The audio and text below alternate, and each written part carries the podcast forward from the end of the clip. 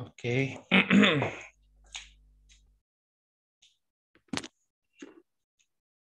Baik.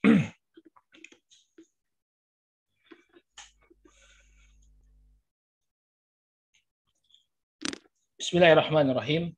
Innal hamdalillah nahmaduhu wa nasta'inuhu wa nastaghfiruh wa na'udzu billahi min shururi anfusina wa min sayyiati a'malina.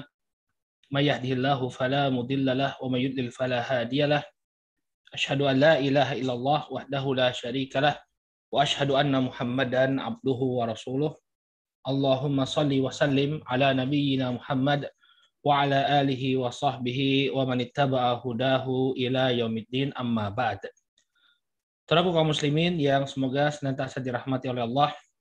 Alhamdulillah puji dan syukur tanti-tantinya kita panjatkan kepada Allah Subhanahu wa taala atas segala nikmat yang telah Allah Subhanahu wa taala anugerahkan kepada kita semua sehingga sampai saat ini kita masih bisa melaksanakan amalan ketaatan kepada Allah. Kita berharap mudah-mudahan Allah Subhanahu wa taala senantiasa menganugerahkan keistiqomahan kepada kita semua.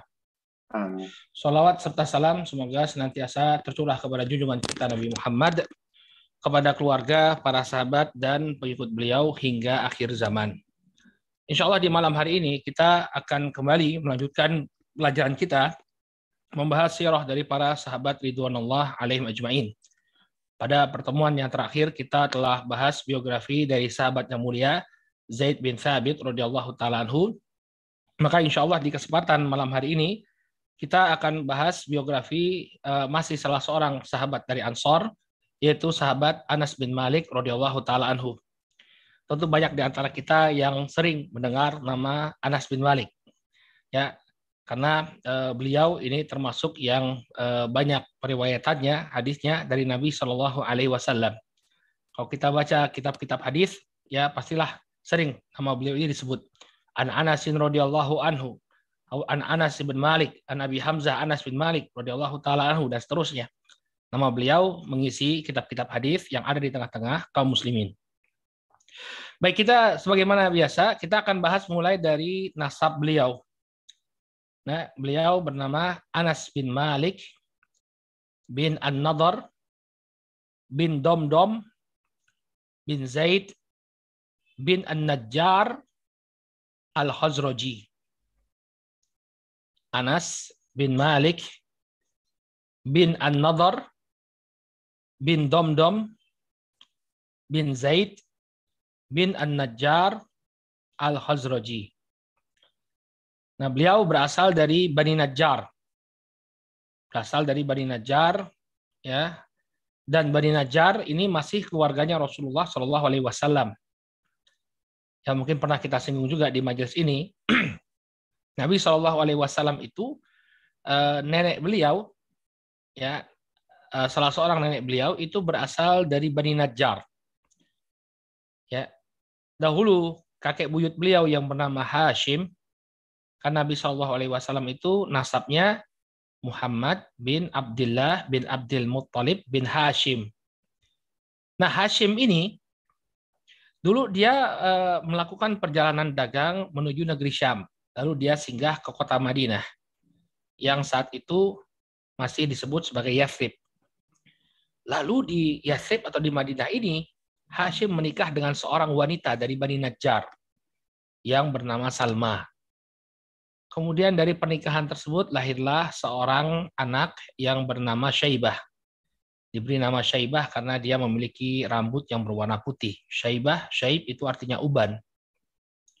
Kemudian Hashim meninggal dunia. Orang-orang di Mekah tidak mengetahui bahwa Hashim ini punya anak di kota Madinah yang bernama Syaibah. Kemudian setelah berjalan beberapa tahun, datanglah adiknya Hashim yang bernama Al-Muttalib ke kota Yathrib barulah dia tahu bahwa sang kakak meninggalkan seorang anak yang bernama Syaibah. Lalu Syaibah ini pun dibawa oleh Al-Muttalib ke kota Makkah. Orang-orang mengira bahwa uh, Syaibah tadi adalah budak yang baru saja dibeli oleh Al-Muttalib. Maka kemudian Syaibah pun dipanggil dengan panggilan Abdul Muttalib. Lalu Abdul Muttalib punya anak namanya Abdullah, Abdullah punya anak namanya Muhammad Rasulullah Shallallahu Alaihi Wasallam. Nah dari sini kita bisa melihat bahwa Nabi Shallallahu Alaihi Wasallam itu punya hubungan kekeluargaan dengan Bani Najjar yang tinggal di kota Madinah. Karena nenek beliau, istri dari uh, Hashim, ibu dari Abdul Muttalib, adalah seorang wanita dari Bani Najjar. Nah, Anas bin Malik ini masih satu kobilah. Dia kobilah Bani Najjar. Sama seperti Abu Ayub Al-Ansari. Abu Ayub Al-Ansari yang uh, memberikan rumahnya atau yang uh, mempersilahkan Nabi SAW untuk tinggal di rumahnya selama beliau belum memiliki rumah itu juga dari Bani Najjar tanah yang dibangun di uh, dibangun menjadi Masjid Nabawi itu juga tanah milik anak yatim dari Bani Najjar. Jadi ini apa hubungan kekerabatan Nabi Alaihi Wasallam dengan Anas bin Malik karena nenek beliau yang bernama Salma ini satu kabilah dengan Anas bin Malik yang sama-sama berasal dari Bani Najjar. Baik. Kemudian bapak beliau namanya ya Malik bin An-Nadhr. Malik bin An-Nadhr. dan ibu beliau bernama Ummu Sulaim. Ummu Sulaim. Ummu Sulaim ini panggilannya ya, nama aslinya para ulama berbeda pendapat. Ada yang mengatakan Rumaisha. Rumaisha pakai sod, Rumaisha ya. Ada yang mengatakan pakai go, Rumaisha. Rumaisha. Jadi nama rumaiso.com ya, rumaiso.com itu namanya Ummu Sulaim. Rumaisa itu nama dari Ummu Sulaim, ibunya Anas bin Malik radhiyallahu taala anhu. Rumaisa bintu Milhan al-Ansariyah. Ini ibunya Anas. Nah, bapak beliau Malik bin An-Nadhr, ya Malik bin An-Nadhr ini eh, apa adalah seorang laki-laki yang musyrik. Saat dakwah yang dibawa oleh sebagian sahabat ya ke kota Madinah ini mulai diterima oleh penduduk kota Madinah atau kota Yathrib, maka Ummu Sulaim masuk Islam Nah, suaminya Malik bin An-Nadhr ini uh, marah karena istrinya masuk Islam. Akhirnya dia pergi dari kota Madinah menuju negeri Syam. Kemudian dia terlibat dengan uh, terlibat dengan sebuah perkelahian di sana sampai kemudian Malik bin Nadhr ini meninggal di negeri Syam. Bapaknya Anas bin Malik. Sehingga Anas bin Malik pun menjadi seorang anak yatim dan ibunya Ummu Sulaim al-Ansariyah menjadi seorang janda. Nah, kemudian uh, Ummu Sulaim dilamar oleh sahabat Abu Talha Al-Ansari radhiyallahu taala anhu. Kisah pernikahannya sangat masyur ya. Karena Abu Talha ini ketika dia menikah dengan Ummu Sulaim, Ummu Sulaim tidak mau menikah kecuali dengan mahar keislamannya Abu Talha. Maka Abu Talha pun masuk Islam dan kemudian bagus keislamannya dia menjadi sahabat yang sangat setia kepada Nabi Shallallahu Alaihi Wasallam. Ini bapak tirinya Anas bin Malik radhiyallahu taala anhu. Dan keluarga Anas bin Malik ya eh, dia memiliki eh, beberapa orang paman ya, di antaranya adalah Anas bin Nadhr. Anas bin Nadhr ini juga sahabat yang masyhur ya walaupun keislamannya tidak lama, tapi dia menjadi sahabat yang cukup terkenal. Kenapa? Karena dia eh, gugur dalam perang Uhud. Anas bin Nadhr ya kisahnya sangat masyhur termasuk sahabat yang gugur di perang Uhud. Ini pamannya Anas bin Malik. Makanya ketika cerita tentang pamannya, aku memiliki seorang paman yang namanya sama dengan namaku kata kata Anas. Aku memiliki seorang paman yang namanya sama dengan namaku. Beliau Anas bin Malik, pamannya bernama Anas bin Nadr. Kemudian dia juga memiliki eh, beberapa orang saudara, ya saudara kandung. Di antaranya adalah Al-Bara bin Malik, ya Al-Bara bin Malik bin Nadr. Kemudian Zaid bin Malik, Zaid bin Malik. Ini semua adalah saudara kandungnya Anas bin Malik. Dan beliau juga memiliki saudara seibu. Saudara seibu. Karena ibunya nikah lagi dengan Abu Talha al-Ansari. Ya, beliau memiliki saudara seibu yang bernama Abu Umair. Mungkin eh, rekan-rekan pernah dengar ya kisahnya Abu Umair. Ini kisah yang sangat masyur juga. Yang kisah Nabi Shallallahu Alaihi Wasallam melihat seorang anak kecil yang sedang bermain-main dengan seekor burung. Ya Aba Umair, ya Aba Umair, ma fa'alan nugair. Ya kata Nabi SAW, wahai Abu Umair, apa yang dilakukan oleh burung kecilmu ini? Itu saudara seibunya Anas bin Malik, anaknya Abu Talha. Yang kemudian meninggal dunia. Kisahnya sangat masyur ya. Yang meninggal dunia, kemudian Abu Talha nggak tahu dia anaknya meninggal, dia dilayani oleh Ummu Sulaim dengan begitu telatennya, ya dilayani makannya, dilayani kebutuhan biologisnya, baru kemudian Ummu Sulaim menyampaikan berita kematian Abu Umair kepada uh, Abu Talha Al Ansari. Kemudian Nabi Shallallahu Alaihi Wasallam mendoakan keberkahan ya Nabi bertanya, apakah tadi malam kalian berhubungan suami istri? Qala na'am. Maka kemudian kata Abu Talha, iya wahai Rasulullah, aku berhubungan dengan istriku. Kemudian didoakan oleh Nabi SAW keberkahan dari pernikahan tersebut lahirlah seorang anak yang bernama Abdullah bin Abi Talha. Ini semua adalah uh, saudara-saudara seibunya Abu Talha Al Ansori uh, saudara sepupunya maaf Anas bin Malik uh, saudara sepupu lagi salah sebut saya ya. Saudara seibu dari Anas bin Malik radhiyallahu taala anhu.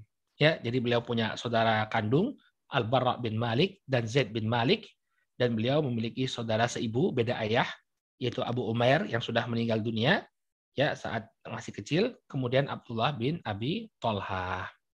Baik. Nah, kemudian di sana ada momen yang sangat mengesankan ya, sangat mengesankan saat Rasul Shallallahu alaihi wasallam pindah ke kota Madinah.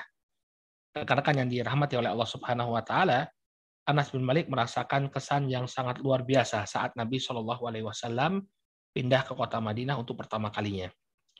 Hal ini beliau sebutkan ya sebagaimana yang diriwayatkan oleh Al-Imam At-Tirmidzi ya dari Anas bin Malik radhiyallahu taala beliau mengatakan lamma kana al-yawm alladhi dakhala fihi Rasulullah sallallahu alaihi wasallam al-Madinah adha'a minha kullu syai.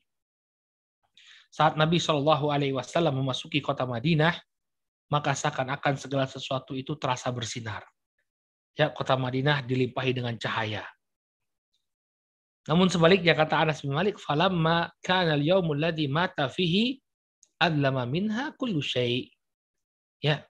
Namun sebaliknya saat beliau alaihi salatu wasallam wafat, maka seakan-akan kota Madinah ini diliputi dengan kegelapan. Ya, diliputi dengan kegelapan. Maksudnya apa? Sangat berduka mereka dengan wafatnya Nabi Shallallahu Alaihi Wasallam. Kemudian kata Anas bin Malik, walamma nafatna an Rasulillah Shallallahu Alaihi Wasallam al aidi wa inna la fi dafnihi hatta ankarna qulubana sampai ketika kami eh, berada di kuburannya Nabi SAW untuk menguburkan Nabi SAW dengan tangan-tangan kami, seakan-akan hati kami tidak bisa menerima wafatnya Rasulullah SAW. Saking bersedihnya mereka, tidak percaya mereka bahwa sosok yang mereka cintai yaitu baginda Nabi SAW telah mendahului mereka. Nah syahid dari eh, hadis ini bahwa Anas bin Malik beliau termasuk menjadi saksi orang orang yang menjadi saksi masuknya Nabi Shallallahu Alaihi Wasallam ke dalam kota Madinah. Kemudian apa yang terjadi rekan-rekan yang dirahmati oleh Allah? Anas bin Malik diserahkan oleh ibunya untuk menjadi pelayan pribadi Rasulullah Shallallahu Alaihi Wasallam. Makanya wajar nanti kita akan bahas juga kenapa kok Anas bin Malik itu punya hadis banyak banget dari Nabi Shallallahu Alaihi Wasallam.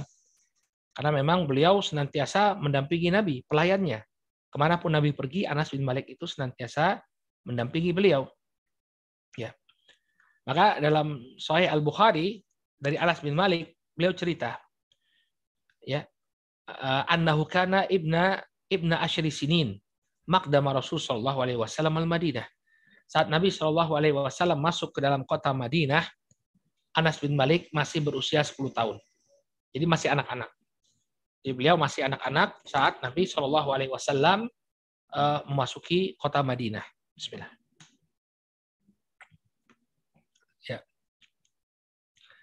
Kemudian wakana ummahati yuwazibnani ala khidmati Nabi Shallallahu alaihi wasallam. Kemudian saat beliau Shallallahu alaihi wasallam memasuki kota Madinah, ibuku menyuruhku untuk berkhidmat kepada Nabi Shallallahu alaihi wasallam untuk melayani kehidupan Nabi Shallallahu alaihi wasallam. Fakhodamtuhu asyra sinin. Maka aku pun menjadi pelayannya Nabi Shallallahu alaihi wasallam selama 10 tahun. Jadi beliau melayani Nabi Shallallahu Alaihi Wasallam sepanjang Nabi Shallallahu Alaihi Wasallam tinggal di kota Madinah. Ya, waktu via Nabi Shallallahu Alaihi Wasallam wa ana ibnu ishrina sana. Dan saat Nabi Shallallahu Alaihi Wasallam meninggal dunia, aku berusia 20 tahun. Sehingga beliau masuk melayani Nabi Shallallahu Alaihi Wasallam itu 10 tahun. Saat Nabi Shallallahu Alaihi Wasallam Eh, meninggal dunia, Anas berusia 20 tahun. 10 tahun dia menampingi Nabi Shallallahu alaihi wasallam. Kemudian saudara kaum muslimin yang dirahmati oleh Allah, sebagaimana yang tadi kita singgung, Anas bin Malik ini selalu menyertai Nabi Shallallahu Alaihi Wasallam ke mana pun beliau pergi. Bahkan dalam perang Badar, ya di usianya yang 10 tahun, Anas bin Malik ikut berangkat bersama Nabi SAW. Cuma dia nggak ikut, gak ikut perang, tapi dia ikut ke Medan Badar sebagai pelayannya Nabi Shallallahu Alaihi Wasallam, tapi nggak ikut perang. Ya, disebutkan oleh Al Imam Adzhabi rahimahullah dalam uh, Syiar Alamin Nubala beliau mengatakan fasahiba Anas Nabi Yahu sallallahu alaihi wasallam atamma suhbah. Maka Anas bin Malik radhiyallahu taala anhu senantiasa menyertai Nabi sallallahu alaihi wasallam dengan penyertaan yang sempurna.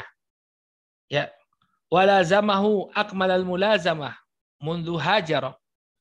Dan beliau senantiasa bermulazamah menempel dengan Nabi sallallahu alaihi wasallam sejak Nabi sallallahu alaihi wasallam berhijrah. Wa ila an mat Sampai kapan? Ila anmat. Sampai Nabi Shallallahu Alaihi Wasallam meninggal dunia. Jadi beliau menjadi pelayannya Nabi Shallallahu Alaihi Wasallam sampai Nabi Shallallahu Alaihi Wasallam wafat. Qala wa ghaza ma'ahu ghaira marrah wa baya'a tahta syajarah. Kemudian Anas bin Malik ini juga ikut berperang bersama Nabi Shallallahu Alaihi Wasallam. Bukan sekali sekali saja dia ikut berperang bersama Nabi tapi sering dia ikut perang bersama Rasulullah Shallallahu Alaihi Wasallam. Wabaya tahta syajarah dan beliau termasuk sahabat yang ikut dalam bayatul ridwan. Ini pembaiatan yang dilakukan di bawah pohon.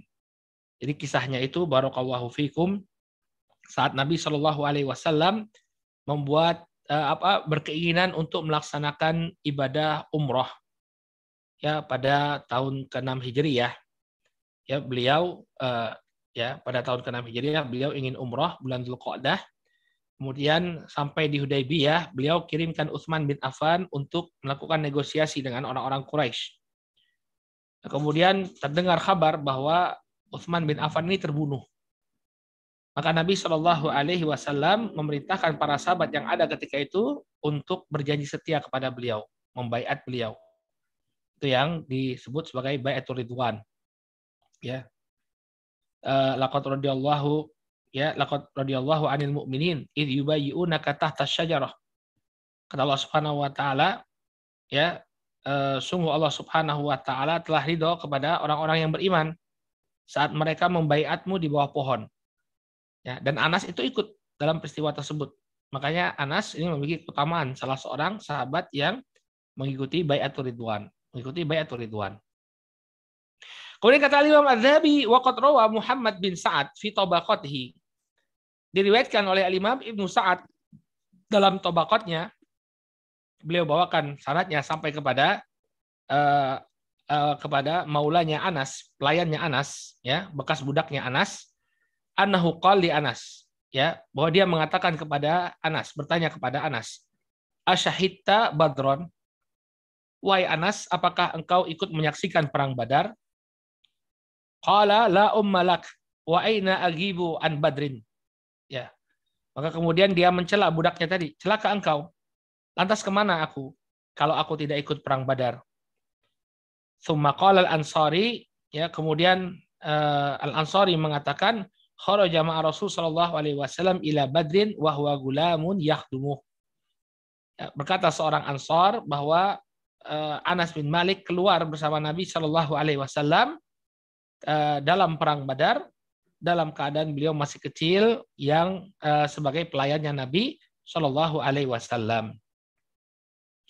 Kemudian kata Adhabi, lam yauddahu ashabul maghazi fil badriyin. Para ahli sejarah tidaklah memasukkan Anas bin Malik sebagai sahabat yang ikut berperang dalam perang Badar. Enggak. Kenapa? Likaunihi hadaraha ya uh, naam uh, naam sibyanan ya ma qatalah atau sobiyan ma qatal. Bal bakia fi rihalil jaish. Ya. Kenapa dia tidak dimasukkan sebagai sahabat yang ikut perang Badar? Karena dalam perang Badar Anas itu uh, dia masih kecil dan tidak mengikuti perang. Dia hadir dia lihat pertempuran tapi dia nggak ikut perang.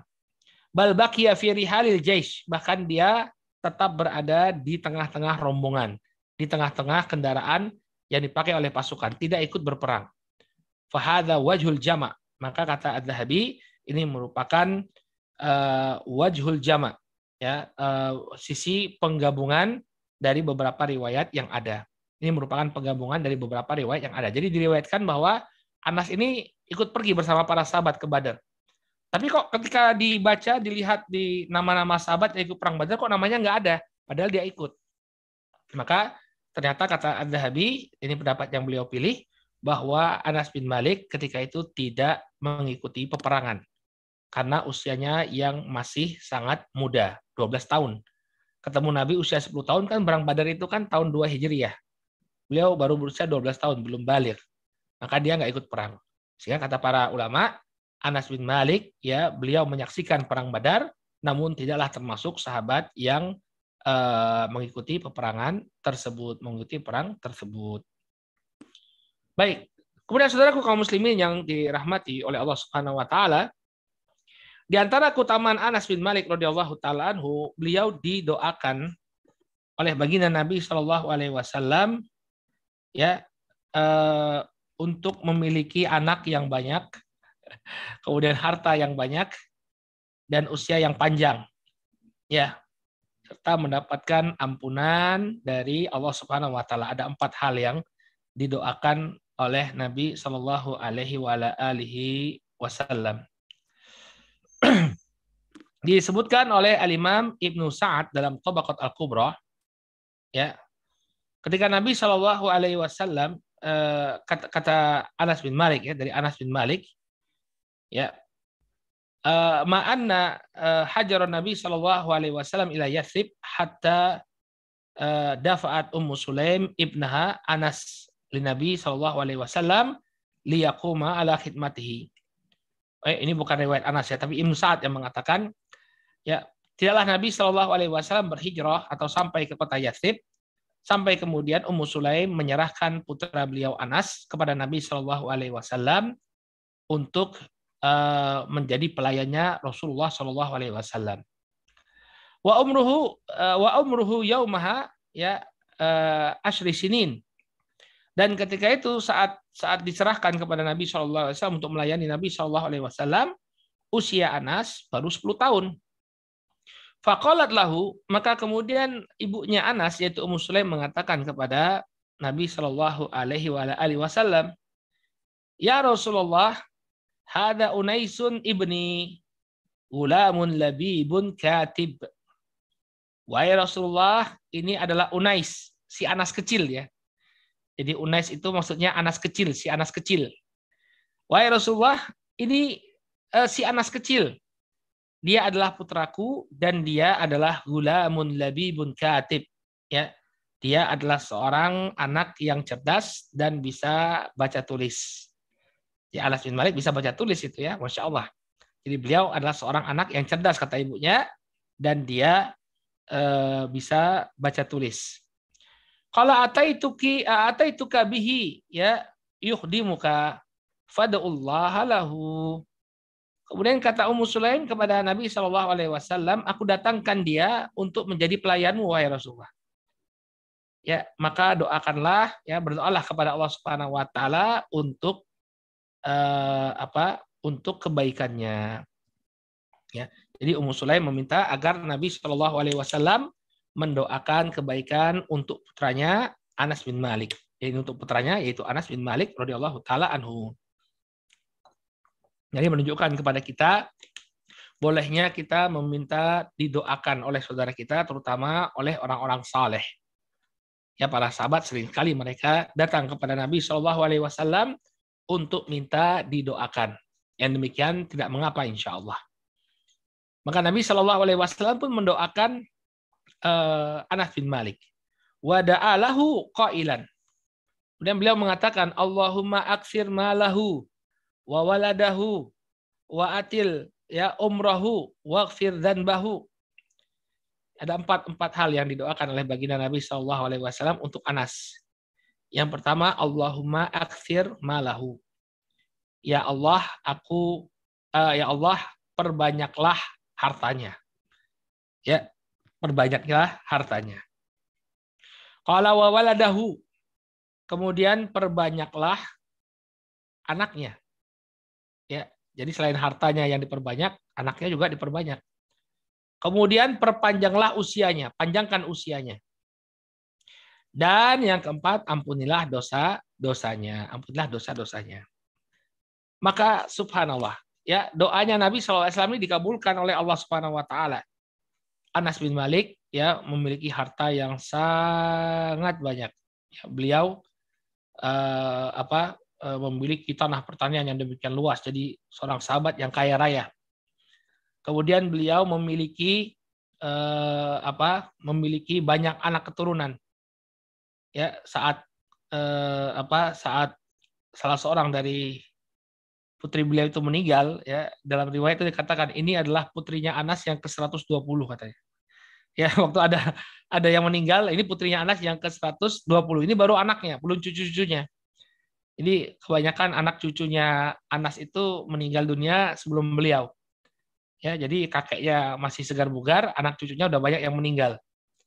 Kenapa? Karena Anas usianya eh, apa usianya cukup panjang ya 90 tahun. Usianya cukup panjang. Makanya saat beliau sakit itu masya Allah ya kan ada kata dia kata kata Anas itu seperti ini Nabi Shallallahu Alaihi Wasallam itu mendoakan saya empat perkara dan tiga dari empat doa itu saya tahu sudah dikabulkan oleh Allah Subhanahu Wa Taala. Yang pertama perbanyak apa? Perbanyak hartanya. Ya, tidaklah ada orang di kota Madinah yang lebih banyak hartanya daripada aku.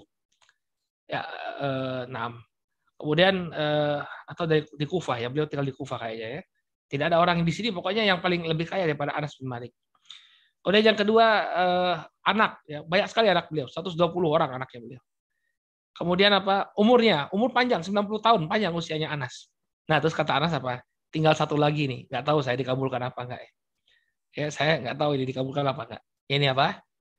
Apa eh, ter, ter, terkabulnya doa Nabi SAW waqfid bah ampunilah dosa dosanya Anas. Nah ini yang nggak tahu Anas, ya, harus mati dulu ya, harus meninggal dulu baru tahu dosa dosanya diampuni atau tidak oleh eh, Allah Subhanahu Wa Taala.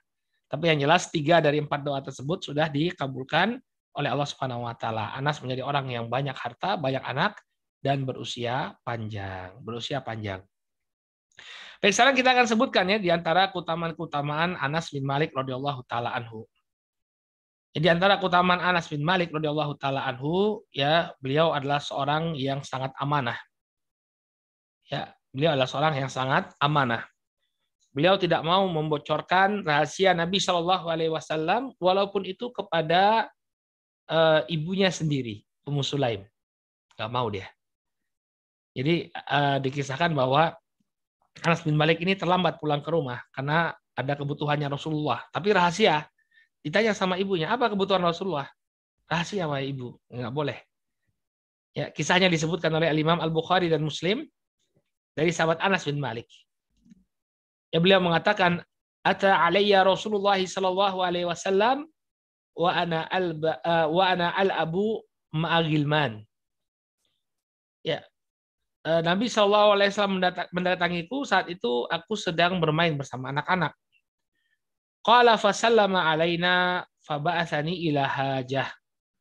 Maka kemudian beliau pun memberikan salam kepada kami. Ini menunjukkan ketawaduannya Rasulullah ya. Karena kan yang dirahmati oleh Allah, Beliau itu orangnya tawadu. Sampai ketika bertemu dengan anak-anak kecil aja beliau kasih salam ya. Sementara kita kadang-kadang anak-anak kecil itu tidak kita perhatikan ya, padahal mereka itu perlu untuk mendapatkan contoh keteladanan yang baik dari orang yang lebih tua. Maka kata Anas bin Malik, "Fasallama alaina." Nabi SAW ketika itu memberi salam kepada kami. Luar biasa tawaduknya Nabi SAW. Qala faba'athani ila hajah. Kemudian beliau alaihissalatu wassalam mengutusku untuk melakukan suatu keperluan, suatu hajah. Fa'abta'tu ala ummi, maka aku pun ya terlambat kembali ke rumah ibuku. Karena mengerjakan tugas dari Rasulullah SAW, karena mengajar, mengerjakan amanah dari Nabi Wasallam, Anas bin Malik pun terlambat ya pulang ke rumah. Falama jitu qalat ma habasak maka saat aku terlambat pulang, ibuku bertanya, apa yang menahanmu, wahai Anas? Kenapa kamu pulang terlambat? Nah, ini menunjukkan bahwa Ummu Sulaim adalah sosok ibu yang penyayang dan perhatian kepada anaknya. Jadi beliau kontrol anaknya. Ke mana aja ini? Kok nggak pulang? Nah kita pun seperti itu ya. Bapak dan Ibu, rekan-rekan yang dirahmati oleh Allah, kita harus punya perhatian kepada anak-anak kita. Jangan kemudian kita nggak tahu mereka di mana, temannya dengan siapa, kapan pulangnya kita nggak tahu. Dia pulang malam-malam juga tanpa ada hajat yang penting kita biarkan begitu saja, nggak boleh ya. Ya, dalam Al-Qur'an Allah mengatakan ya ayyuhalladzina amanu qu anfusakum wa ahlikum naron. Wahai orang-orang yang beriman, jagalah diri kalian dan keluarga kalian dari api neraka. Maka perlu perhatian kepada anak-anak. Maka kemudian ibunya Anas bertanya, Mahabasak, apa yang mencegahmu, wahai Anas? Qultu ba'asani Rasulullah sallallahu alaihi wasallam lihajah. Wahai ibuku, tadi aku diutus oleh Nabi sallallahu alaihi wasallam untuk mengerjakan suatu keperluan. Qalat ma hajatuhu. Kemudian sang ibu bertanya kepada Anas, "Wahai Anas, apa hajatnya Rasulullah?" Qultu innaha sirrun. Maka kemudian kata Anas, rahasia wahai ibu. Ini adalah rahasia. Nggak boleh diobrolkan kepada siapa-siapa. Maka lihat bagaimana ibunya Anas ya Ummu Sulaim ya ketika tahu itu rahasianya Rasul Shallallahu Alaihi Wasallam beliau mengatakan la tuhadditsanna bisiri Rasulullah Shallallahu Alaihi Wasallam ahada Wahai putraku, jangan pernah engkau membocorkan rahasianya Rasul Shallallahu Alaihi Wasallam kepada siapa pun, walaupun kepada ibu jangan. Ya, beda sama ibu-ibu zaman sekarang nih ya. Kalau anak yang punya rahasia, ah kamu sama ibu aja rahasia-rahasiaan, ya. Padahal ini rahasia orang, amanah yang harus dipegang oleh sang anak, ya. Tapi lihat ibunya Anas ketika tahu ini rahasianya Nabi Shallallahu Alaihi Wasallam, beliau mengatakan la tuhaditsanna bisiri Rasulillah Shallallahu Alaihi Wasallam ahada. Jangan pernah engkau ngomongin rahasianya Nabi Shallallahu Alaihi Wasallam itu kepada siapa pun. Ya, artinya apa? Jadilah Anas engkau sebagai orang yang amanah. Ya, amanah mengemban tugas dari Nabi Shallallahu Alaihi Wasallam dan menjaga rahasia beliau. Jadi ini di antara keutamaan Anas bin Malik bahwa beliau adalah sosok yang demikian amanah dalam menjalankan tugas dari Rasulullah Shallallahu Alaihi Wasallam. Kemudian di antara keutamaan ya Anas bin Malik radhiyallahu taala anhu, Nabi Shallallahu alaihi wasallam itu pernah sholat di rumahnya Anas. Ya, Nabi Shallallahu alaihi wasallam itu tidak semua sahabat yang beliau pernah sholat di rumahnya. Di antaranya di rumahnya Anas, pernah beliau. Ada ada sebuah hadis ya diriwayatkan oleh Al Imam Ahmad dalam musnadnya ya, dari Anas bin Malik radhiyallahu anhu dia berkata, dakhala alaina Rasulullah sallallahu alaihi wasallam wa ma huwa illa ana wa ummi wa ummu haram khalati. Suatu ketika Nabi Shallallahu Alaihi Wasallam pernah mengunjungi kami, ini mengunjungi rumahnya Anas bin Malik. Wa ma huwa illa ana wa ummi wa ummu haram khalati.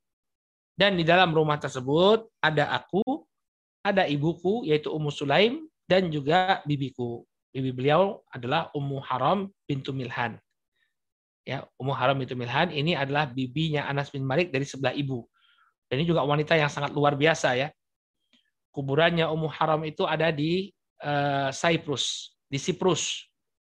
Ya, Siprus itu negara kepulauan atau negara pulau yang terletak di selatan uh, Greek ya, di selatan Yunani, di Laut Tengah sana ya letaknya.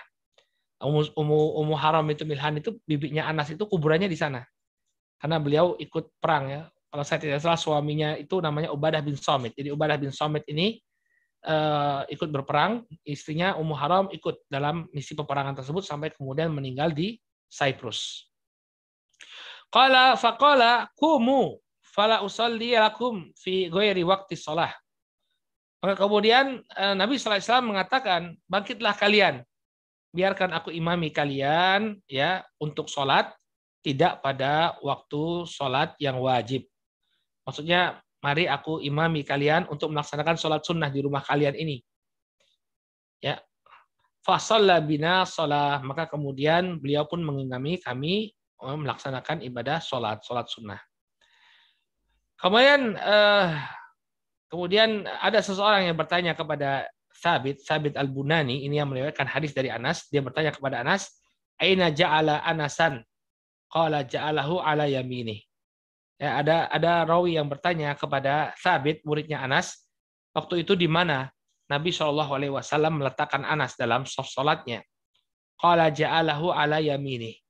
Nabi Shallallahu Alaihi Wasallam kata uh, bin Qais al Bunani, uh, Sabit al Bunani, beliau menyebutkan bahwa uh, Anas bin Malik diletakkan di sebelah kanannya Nabi Shallallahu Alaihi Wasallam.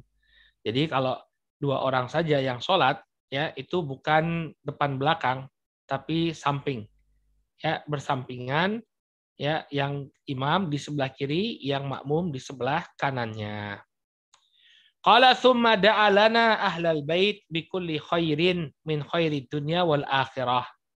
Kemudian setelah sholat, Nabi Alaihi Wasallam pun mendoakan kebaikan kepada kami penghuni rumah dengan semua kebaikan dunia dan akhirat. Ya, jadi eh, apa eh, Anas bin Malik ini rumahnya di, di dikunjungi oleh Nabi. Nabi sholat di rumahnya bahkan mendoakan keberkahan dunia akhirat bagi Anas bin Malik dan juga ibu serta bibi beliau, bibi beliau. Ya. Nah, kemudian apalagi keutamaannya Anas bin Malik ini, karena kan yang dirahmati oleh Allah, Anas bin Malik ini eh, sangat mencintai Rasulullah Shallallahu Alaihi Wasallam apa yang dicintai oleh Nabi Shallallahu Alaihi Wasallam, apa yang disukai oleh Nabi Shallallahu Alaihi Wasallam juga disukai oleh Anas. Dan memang eh, Anas bin Malik ini dia ingin mewujudkan cintanya kepada Nabi dengan kecintaan yang sangat luar biasa. Beliau meriwayatkan suatu ketika ada seseorang datang kepada Nabi Shallallahu Alaihi Wasallam lalu bertanya, ya Rasulullah, mata sa'ah. Wahai Rasulullah, kapankah hari kiamat itu akan terjadi? Kemudian Anas bin Malik mengatakan Nabi Shallallahu Alaihi Wasallam balik bertanya kepada orang tersebut, ya ma'atattalaha apa yang sudah kau persiapkan untuk menghadapi hari kiamat? Maka orang tadi mengatakan ma'atattuha bikasrotis salati wa zakati wa siam. Wahai Rasulullah, tidaklah aku persiapkan itu semua dengan banyak sholat, banyak puasa. Ya, banyak sholat, banyak zakat, banyak puasa. Tidak. Artinya dia mencukupi dari mencukupi dengan hal-hal yang wajib saja. Walakinni kemudian orang itu mengatakan walakinni uhibbullah wa rasulah. Aku mencintai Allah dan Rasulnya. Maka kata Nabi Shallallahu Alaihi Wasallam, anta ma'aman ahbab. Nanti di akhirat engkau akan dikumpulkan bersama orang-orang yang kau cintai. Maka kemudian kata Anas bin Malik, kami bergembira sekali dengan apa yang diucapkan oleh Nabi Shallallahu Alaihi Wasallam karena kami mencintai Allah dan Rasulnya, demikian juga mencintai Abu Bakar, mencintai Umar, dan kami berharap kami dikumpulkan bersama mereka walaupun amalan-amalan kami tidak sebanyak amalan mereka. Nah, jadi beliau sangat cinta kepada Nabi Shallallahu Alaihi Wasallam. Sampai-sampai ketika Nabi Shallallahu Alaihi Wasallam itu makan labu, Anas bin Malik ya jadi suka makan labu karena mengikuti baginda Nabi Shallallahu Alaihi Wasallam. Dalam riwayat Al Bukhari ya dari Anas bin Malik, Anas cerita ini Bapak dan Ibu ya rekan-rekan yang dirahmati oleh Allah. Beliau mengatakan inna khayatan ya da'a Rasul sallallahu alaihi wasallam di ta'amin sona'ah. Suatu ketika ada sahabat yang berprofesi sebagai penjahit. Lalu dia mengundang Nabi Shallallahu Alaihi Wasallam untuk makan, untuk memakan hidangan yang sudah dia persiapkan. Kemudian Anas mengatakan fadhahabtu ma'a Rasulillah sallallahu alaihi wasallam ila dzalika ta'am.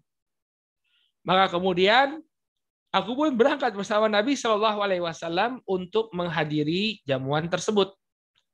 Faqarraba ila Rasul sallallahu alaihi wasallam khudzan min syair wa maraqan fihi dubbaun wa qadid. Ya, maka kemudian didekatkanlah kepada Nabi Shallallahu Alaihi Wasallam ya sepotong roti yang terbuat dari gandum Qala wa. Kemudian makanan berkuah. Seperti gulai begitu. Fihi dubbaun wa qadid. Dan di dalam uh, makanan berkuah tersebut terdapat dubba, terdapat labu, wa qadid dan qadid. Qadid itu apa? Qadid itu daging yang dikeringkan. Ya jadi kan zaman dahulu itu rekan-rekan yang dirahmati Allah, kita belum punya freezer ya. Belum ada freezer. Sehingga untuk mengawetkan daging-daging yang disembelih pada hari kurban, ya kaum muslimin itu menjemur daging-daging tersebut sehingga menjadi dendeng. Nah, saat ingin dimasak, daging yang sudah diawetkan tadi dengan kering tinggal dimasukkan ke dalam kuah-kuah masakan mereka. Ya, jadi daging dendengnya itu yang udah kering, udah dipotong-potong, begitu masak, masukin. Sehingga apa? Ada dagingnya di makanan tersebut. Maka kata Anas bin Malik itu Rasulullah Shallallahu Alaihi Wasallam eh, dihidangkan di hadapan beliau eh, roti yang terbuat dari gandum, kemudian eh, kuah, ya kuah makanan berkuah yang di dalamnya terdapat labu dan juga apa daging dendeng. Maka Anas mengatakan Faro itu Rasul Shallallahu Alaihi Wasallam ya tetap bau dubba min haulil qas'ah. Maka ketika itu aku melihat Nabi Shallallahu Alaihi Wasallam mencari-cari labu ya di tengah-tengah periuk yang ada. Jadi di antara periuk itu beliau cari mana labunya, mana labunya. Ya ternyata Nabi itu sangat suka labu. Ya beliau sangat suka dubba. Dubba itu labu. Falam azal uhibbu ad-dubba min yauma Maka sejak hari tersebut aku pun sangat menyukai ya eh, masakan labu, sayur labu. Ya, kenapa Anas bisa suka labu, Bapak dan Ibu, rekan-rekan yang dirahmati Allah? karena mengikuti Nabi Shallallahu Alaihi Wasallam. Karena Nabi suka labu dan Anas sangat mencintai Nabi Shallallahu Alaihi Wasallam, beliau pun menjadi sahabat yang suka untuk makan labu. Mencontoh Nabi Shallallahu Alaihi Wasallam. Kemudian di antara keutamaan Anas bin Malik, beliau melihat bagaimana kehidupannya Nabi Shallallahu Alaihi Wasallam ya, yang sangat sederhana. Sampai gelasnya Nabi itu Anas itu tahu Bapak dan Ibu, ya rekan-rekan yang dirahmati oleh Allah. Ya, Anas itu pernah pernah cerita kepada Thabit Al-Bunani, ya, asisten beliau, anak buah beliau atau muridnya beliau. Ya, beliau mengatakannya suatu suatu ketika dia Anas itu ngasih tahu ke muridnya, Thabit Al-Bunani, ya, dia keluarkan eh, kodaha hasyab. Dia keluarkan eh, sebuah gelas yang terbuat dari khashab, terbuat dari kayu ghalidon. Kemudian pinggirnya itu tebal. Mudhabbaban bil hadid. Kemudian diikat dengan se sebuah lempeng besi, diikat. Fakol. Kemudian Anas mengatakan, Ya Thabit, Hada qadahu Rasulullah sallallahu alaihi wasallam. Laqad saqaitu Rasul sallallahu alaihi wasallam bihadal qadah ya asyarab kullahu. Al-ma' wal nabith wal asal wal laban Kata Anas bin Malik radhiyallahu taala anhu, wahai Thabit muridku, ini adalah gelas yang dimiliki oleh Nabi Shallallahu alaihi wasallam. Dan sungguh aku pernah memberikan minum kepada beliau dalam melalui gelas ini ya aku berikan uh, semua jenis minuman. Aku berikan dia madu, aku berikan dia nabis, ya nabis itu semacam uh, infus water ya jadi biar minuman itu terasa memiliki ada ada rasa manis ya atau rasa buahnya dicemplungin dalam minuman tadi eh, apa buah-buahan sampai dia terjadi fermentasi dan keluar rasa buahnya. Itu yang disebut sebagai nabis. Makanya tidak boleh lama-lama menyimpan nabis karena dia akan ber eh, akan meningkat menjadi homer, akan meningkat menjadi homer. Adapun nabis ini halal boleh. Maka Nabi Shallallahu Alaihi Wasallam eh, dihidangkan minuman oleh Anas bin Malik dengan gelas ini ya semua jenis minuman air kemudian nabis kemudian madu dan juga susu ini menunjukkan kesederhanaan Nabi Shallallahu Alaihi Wasallam. Nah. Kemudian apalagi keutamaannya Anas ya Anas itu melihat bagaimana karakternya Nabi Shallallahu Alaihi Wasallam perilaku dan akhlak beliau. Jadi ada cerita rekan-rekan yang dirahmati Allah Anas menggambarkan tentang bagaimana sih Nabi Shallallahu Alaihi Wasallam ketika bermuamalah dengan beliau. Kata Anas bin Malik, hadisnya riwayatkan Muslim.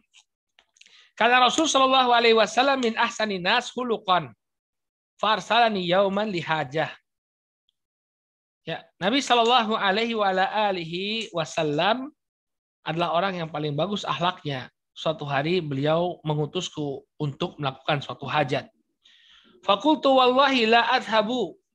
Wa fi nafsi an adhaba lima amarani bihi Rasul sallallahu alaihi wasallam. Ya. Maka ketika itu aku mengatakan, ya demi Allah aku nggak bakal pergi padahal sebenarnya aku ingin pergi dengan apa yang diperintahkan oleh Nabi sallallahu alaihi wasallam. Fa kharajtu hatta ya amurra ala sibyanin wa hum yal'abuna fi suq. Maka kemudian ya eh, aku pun keluar dan aku bertemu dengan sebagian orang yang bermain, anak-anak yang sedang bermain di pasar. Tiba-tiba Faida Rasul Shallallahu Alaihi Wasallam kot qabada ya bi kofaya min warai. Kemudian Nabi SAW ternyata karena karena Anas itu terlena, dia melihat ada anak-anak yang bermain, dia terlena, maka kemudian diingatkan oleh Nabi SAW. Nabi SAW sentuh pundaknya dari belakang, kemudian beliau ya fanadhartu ilahi wa huwa yadhak. Lalu aku menoleh ke belakang kata Anas bin Malik ternyata Nabi wasallam ya dan beliau ketika itu tersenyum. Maka kemudian Nabi wasallam mengatakan kepada Anas, "Ya Unais adhabta haitsu amartuk?" Wahai Unais, apakah sudah pernah uh, sudah kau laksanakan tugas yang aku berikan kepadamu? Qala qultu na'am, ana ashabu ya Rasulullah. Maka kata Anas bin Malik, "Wahai Rasulullah, ya siap, aku akan laksanakan perintahmu." Jadi Anas itu lupa dia diberikan perintah oleh Nabi SAW, tapi dia lupa malah bermain. Maklum saja, ketika itu masih anak-anak. Ya, dia bermain di pasar, kemudian ketemu lagi dengan Nabi SAW. Nabi ingatkan, wahai, wahai Anas, udah, udah selesai belum tugasnya tadi yang diberikan? Ya, maka kemudian, naam ya Rasulullah, wahai Rasulullah, ya, aku akan segera melaksanakannya. Faqala Anas kemudian Anas mengatakan wallahi laqad khadamtuhu tis'a sinin ma alimtuhu qala li syai'in sana'tuhu lima fa'alta kada wa kada aw li syai'in halla fa'alta kada wa kada. Kemudian Anas memberikan testimoni tentang kepribadian Nabi Shallallahu alaihi wasallam. Kata beliau, demi Allah, aku telah melayani Nabi Shallallahu alaihi wasallam selama 9 tahun dan tidaklah pernah aku mendengar Nabi Shallallahu alaihi wasallam itu mengatakan kepada sesuatu yang telah aku lakukan lima fa'alta kada wa kada. Kenapa ini kau lakukan? Nabi nggak pernah protes kepada Anas bin Malik. Demikian juga ketika aku meninggalkan sesuatu, kemudian uh, dia tidak pernah mengatakan ya halal fa'alta kada wa kada. Ya harus yang kau melakukan ini dan itu. Enggak. Nabi SAW orangnya sabar. Beliau tidak memprotes kekurangan-kekurangan yang ada pada sosok Anas bin Malik radhiyallahu taala anhu. Ya. Maka Anas bin Malik pun menjadi pelayan Nabi Shallallahu Alaihi Wasallam sampai kemudian Nabi Shallallahu Alaihi Wasallam meninggal dunia. Dan beliau di antara keutamaan beliau juga hadir dan dirahmati oleh Allah, beliau memiliki semangat ibadah yang sangat luar biasa. Al Imam Adhabi menyebutkan dari Abu Hurairah radhiyallahu taala anhu, Abu Hurairah mengatakan ma raaitu ahadan asbaha bi salati Nabi sallallahu alaihi wasallam min ibni ummi eh, min ibni ummi Sulaim. Kata Abu Hurairah radhiyallahu taala saya nggak pernah lihat ada orang yang sholatnya itu paling mirip dengan sholatnya Nabi Shallallahu alaihi wasallam melebihi sholatnya Ibnu Abi Sulaim, eh, Ibnu Ummi Sulaim, melainkan sholatnya putranya Ummu Sulaim yaitu Anas bin Malik radhiyallahu taala anhu. Waqala Anas bin Sirin, berkata Anas bin Sirin, ya, karena Anas bin Malik ya ahsanan nas salatan fil hadar was safar. Kata Anas bin Sirin, dia mengatakan bahwa Anas bin Malik adalah orang yang terbaik sholatnya, baik ketika itu dia masih bermukim atau ketika dia dalam keadaan safar. Jadi Anas bin Malik senantiasa menjaga sholatnya. Ya, maka kemudian kata cucu beliau yang bernama Thumamah bin Abdullah bin Anas, karena Anas yusalli hatta tuftira qadamah. Ya, tuftira qadamahu daman mimma yutilul qiyam. Kata cucunya Sumamah bin Abdullah bahwa dahulu Anas bin Malik beliau sholat sampai kakinya bengkak-bengkak dan mengucurkan darah. Ya, mimma yatilul qiyam selama eh, itu kenapa terjadi karena demikian eh, panjangnya durasi eh, berdirinya Anas bin Malik dalam beribadah kepada Allah Subhanahu wa taala. Kemudian Anas bin Malik ini juga di antara utamanya termasuk yang meriwayatkan banyak hadis dari Nabi Shallallahu Alaihi Wasallam. Ya, uh, disebutkan oleh Al Imam Ad Dhahabi Musnadhu Alfani wa mi'atani wa sittatun wa thamanun. Jumlah hadis yang diriwayatkan oleh Anas bin Malik adalah sekitar 2286 286. Alfan 2000 mi'atan 200 sitatun wasamanun ya 86. Ya, jadi ini jumlah hadis yang diriwayatkan oleh Anas bin Malik 2286. Nah, kemudian sebagaimana yang telah didoakan oleh Nabi SAW, Anas ini termasuk usianya panjang. Ya, ada perbedaan pendapat di kalangan para ulama tentang berapa usia Anas bin Malik saat meninggal dunia. Ya, ada di antara mereka yang mengatakan bahwa eh, siapa Al Imam Ad Dhahabi ini eh, meninggal ya eh, di usia yang cukup tua ya. Kata beliau ukhtulifa alaina fi sini Anas faqala ba'duhum balagha mi'atan wa thalatha sinin. Para ulama berbeda pendapat tentang berapa usianya Anas, maka sebagian di antara mereka mengatakan Anas berusia ya 103 tahun saat beliau meninggal dunia. Berarti beliau meninggal dunia pada tahun ke-103 atau 104 Hijriyah. Allah taala a'lam bisawab. Ini mungkin yang bisa kita sampaikan tentang biografi sahabat Anas bin Malik radhiyallahu taala anhu. Untuk kemudian kalau ada yang ingin bertanya, kami persilahkan ya dan uh, kami serahkan kembali kepada uh, moderator Pak Rashid. Silakan Pak. Baik, alhamdulillahirobbilalamin. Jazakallahu khairan. Uh, teman-teman, jika ada pertanyaan, silahkan kirim message ke admin Fabiola, saya, atau melalui WhatsApp. Baik yang sesuai dengan topik maupun yang di luar topik. Uh, apa Ustadz ini kayaknya banyak yang di luar topik. Tapi sebelum ke sana tadi Ustadz menyampaikan bahwa ini kan uh, salah satu doa yang dikabulkan oleh uh, Allah Subhanahu wa taala mengenai Anas adalah banyaknya anak ya, Ustadz. Mm -hmm. uh, kalau saya nggak salah atau saya uh, pada saat perang Hara itu banyak yang meninggal juga ya Ustadz ya? Perang Hara? Ya. Perang Hara itu yang mana ya? Oh yang yang bukan yang setelah apa Hara ya namanya ya, yang eh, pasukan Muawiyah menyerang Madinah Ustaz. Oh Yazid ya, pasukannya Yazid. Pasukannya Yazid. Ya Yazid. Uh, oh ya, uh, maksudnya Pak Rosid apa? Pertanyaannya apa? Putra putranya banyak yang meninggal ya Ustaz di di apa ter uh, kena ikut jadi korban perang. Korban perang. Wallahu taala alam yang uh, saya dapatkan dari uh, biografi Anas, putra putrinya itu banyak yang meninggal dunia dalam wadah uh, wabah taun. Oh. Wabah taun yang terjadi di negeri Syam zamannya Abu Ubaidah ibn Jarrah di masa kekhilafahannya Umar bin Khattab.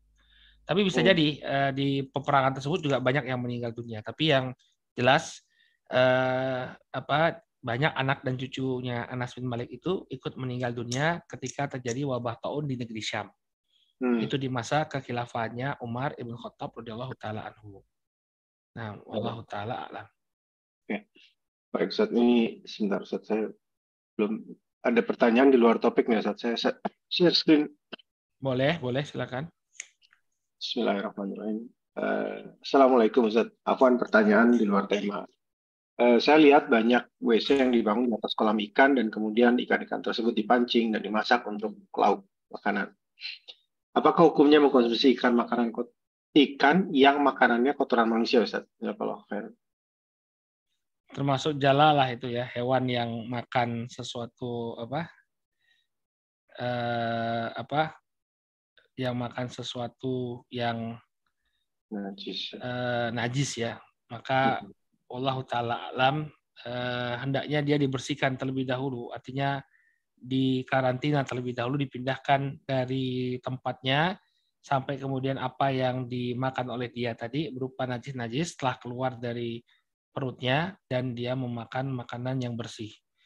Adapun hmm. ketika dimakan langsung ini hewan yang mengkonsumsi eh, kotoran ya yang mengkonsumsi kotoran Eh, maka di sana ada larangan dari Nabi Shallallahu Alaihi Wasallam untuk mengkonsumsi jalalah. Itu tadi jalalah adalah yang uh, apa makan makan kotoran, ya, yang makan kotoran. maka tidak boleh dikonsumsi ya. Nabi sallallahu alaihi wasallam nah Nabi sallallahu alaihi wasallam an akil jalalah. Ya, Nabi sallallahu alaihi wasallam melarang makan hewan yang memakan jalalah. Hmm. Ya, tapi kalau misalnya dia eh, telah dipisahkan, kemudian di lingkungan yang baru diberi makanan yang bersih, ya maka eh, tidak mengapa untuk mengkonsumsi jalalah tersebut. Ya sekarang sudah tidak lagi jadi jalalah, tapi sudah menjadi hewan yang eh, apa? Yang bersih insya Allah, ya, yang suci insya Allah. Allah Taala alam. Baik, itu kalau untuk menunggu, eh, bukan untuk dibersihkan itu gimana kita tahunya kalau itu udah bersih Ustaz? Apakah ada periode waktu atau misalnya berapa puluh ya. hari? 10 hari? Sebagian itu mengatakan 40 ya, 40 hari. 40 hari. Kalau nggak salah oh. Abdullah bin Abbas ya atau siapa sebagian salah itu mengatakan 40 hari dia di eh, apa dia disterilkan ya, disterilkan dari apa namanya eh, dari ya dari makanan-makanan yang kotor. Ya. Baik, uh, selanjutnya Ustaz ini ada pertanyaan masih di luar tema tapi agak sensitif ini kelihatan. Assalamualaikum warahmatullahi wabarakatuh. Mohon bertanya Ustaz, bagaimana dengan negara seperti Indonesia yang, yang pembiayaan belanja negara melalui pajak Ustaz? Ya, uh, gimana maksudnya? Bagaimana itu maksudnya bagaimana apa? Bolehkah tinggal di Indonesia yang dibayar pajak atau pajaknya mungkin? Saya kira pajaknya ya. Eh, para ulama mengatakan pajak itu sebenarnya nggak boleh ya. Pajak itu sebenarnya tidak boleh. Al-makas, makas itu ya eh, apa istilahnya eh, setoran-setoran ya, setoran-setoran dari masyarakat itu tidak diperbolehkan kecuali memang negara dalam keadaan yang sangat membutuhkan itu yang pertama di mana hmm. dia tidak memiliki sumber pembiayaan ya atau kurang sumber pembiayaannya kecuali harus diambil dengan pajak dan hmm. kemudian pajak tersebut dipergunakan untuk uh, seluas-luasnya uh, kemanfaatan bagi rakyat kembali kepada kemanfaatan rakyat jadi hmm. nggak boleh misalnya bikin pesta-pesta pejabat itu pakai duit pajak itu nggak boleh tapi misalnya untuk bangun jalan untuk uh, apa namanya uh, fasilitas kesehatan dan yang semisalnya pendidikan yang demikian kata para ulama tidak mengapa walaupun lebih afdal bagi mereka untuk tidak mengenakan pajak ya hmm. tidak mengenakan pajak bagi penduduknya. Ya, makanya uh, ashabul makas itu ya, para penarik pajak itu hmm. termasuk pelaku dosa besar ya. Orang yang tertarik pajak itu pelaku dosa besar. Walaupun ada juga yang mengatakan bahwa yang dimaksud dengan al-makas di situ tukang palak. Tukang palak yang ngambil pajak untuk kepentingan pribadi. Tapi kalau petugas pajak kan ngambil pajak untuk kepentingan masyarakat. Maka dia tidak termasuk insya Allah ke dalam larangan tersebut. Begitu penjelasan tentang pajak. Dan kalau saya tidak salah, itu salah seorang anggota Hayah Kibarul Ulama, dia punya tulisan ya. Hmm. Aduh, siapa tapi namanya? Abdullah bin Humaid kalau nggak salah ya. Beliau pernah uh, buka apa pernah bikin tulisan tentang pajak. Jadi ada ada detailnya tentang pajak itu tidak serta merta haram ya. Kalau misalnya pajak eh, apa namanya itu memang dibutuhkan ya eh, maka tidak mengapa maka tidak mengapa tapi kalau misalnya negara itu sudah kaya dia artinya punya penghasilan yang cukup dari eh, pemasukan yang cukup dari selain pajak tapi dia tetap narik pajak nah ini yang nggak boleh ini yang tidak diperbolehkan Abdullah Mutlak ya bukan Abdullah Humid Abdullah Mutak Abdullah Mutlak itu beliau anggota Ayah Kibaril Ulama uh, ulama besar Saudi Arabia wallahu taala alam uh, tulisannya ada dalam bahasa Indonesia nih Ustaz bukunya atau ini nukilan saya nih. Saya Belum. pernah terjemahkan tapi terjemahkan sekilas saja. Oh gitu. Ya. Ada, beliau mengatakan ya, ya. Uh, tentang al-maqas ya pajak yang dilarang itu karena nas qadiman al-badiyah wa ru'asa al-manatik fil badu yadhuuna uh, khashabah ya au rasadan fa naam uh, fadan uh, marwan uh, min indihi min indihi annas jadi kata beliau dulu dulu yang dimaksud dengan penarik pajak itu sebagian pemerintah yakni sebagian penguasa-penguasa di daerah-daerah pedalaman mereka uh, meletakkan ya uh, meletakkan uh, apa di tempat-tempat tertentu ya meletakkan di tempat-tempat tertentu uh, kayu, yakni kemudian di sana di jalan-jalannya apa di jalan jalan tersebut ada yang menarik pajak. Kemudian dia mengatakan uh, nah, mereka disuruh memilih baina daf ilmal awil qatl. Uh, mereka harus menyerahkan harta mereka kalau mau jalan atau dibunuh. Nah, itulah yang namanya makas yang dilarang. Ya.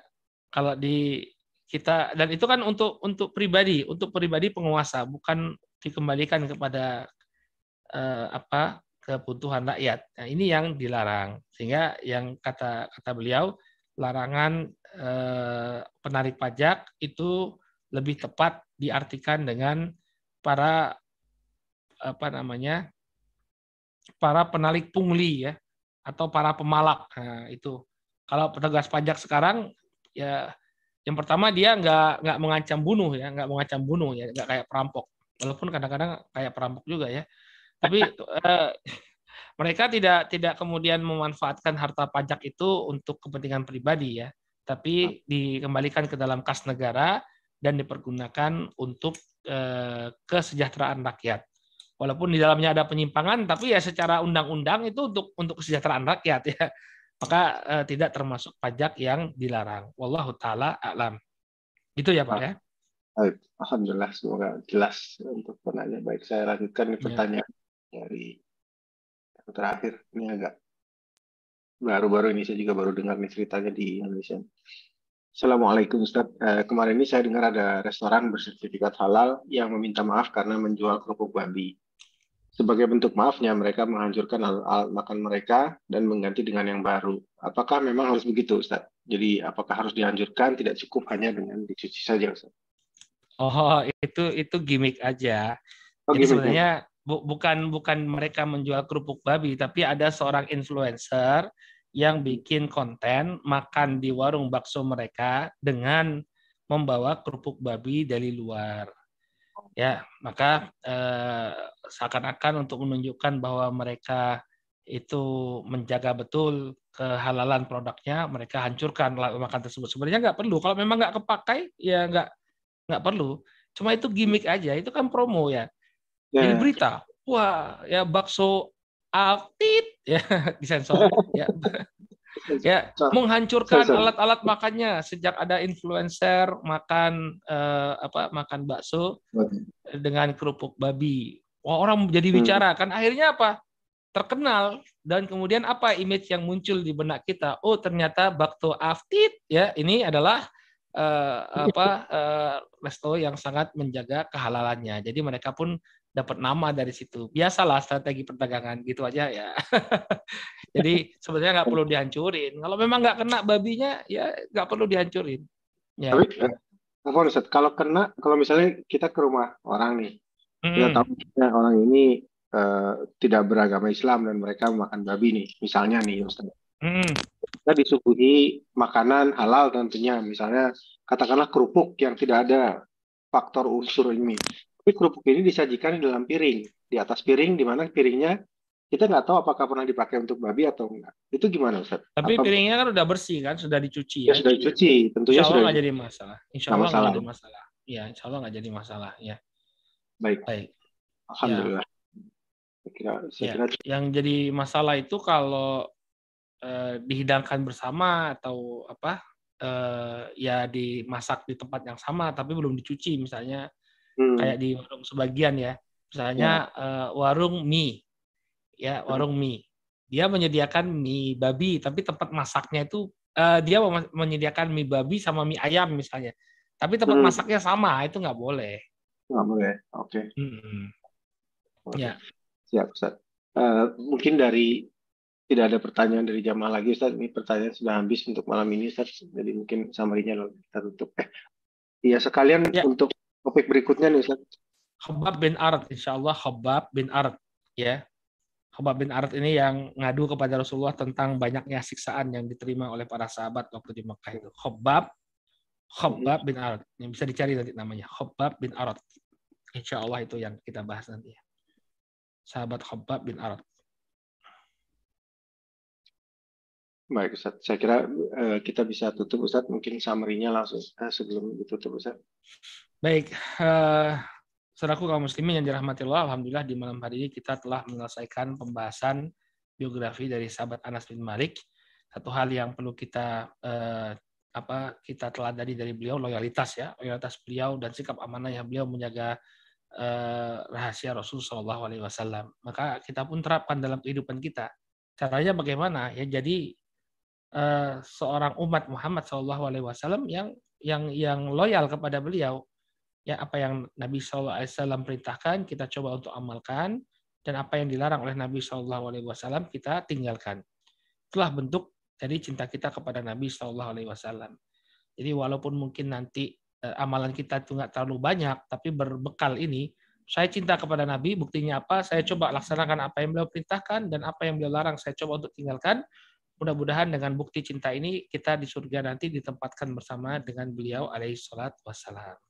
Itu uh, closing statement dari saya. Uh, jazakumullah khairan atas perhatiannya. Mohon maaf atas segala kekurangan. Uh, subhanakallahumma wa bihamdika asyhadu an la ilaha illa anta astaghfiruka. Assalamualaikum warahmatullahi wabarakatuh. Waalaikumsalam warahmatullahi wabarakatuh. Jazakallah khairan uh, Ustaz atas ilmu dan waktunya. Insya Allah kita bertemu kembali di kajian berikutnya. Dari kami, dari pengurus, kami mohon maaf jika ada kesalahan baik dalam sikap maupun perkataan. Barakallahu fikum. Wassalamualaikum warahmatullahi wabarakatuh. Waalaikumsalam warahmatullahi wabarakatuh.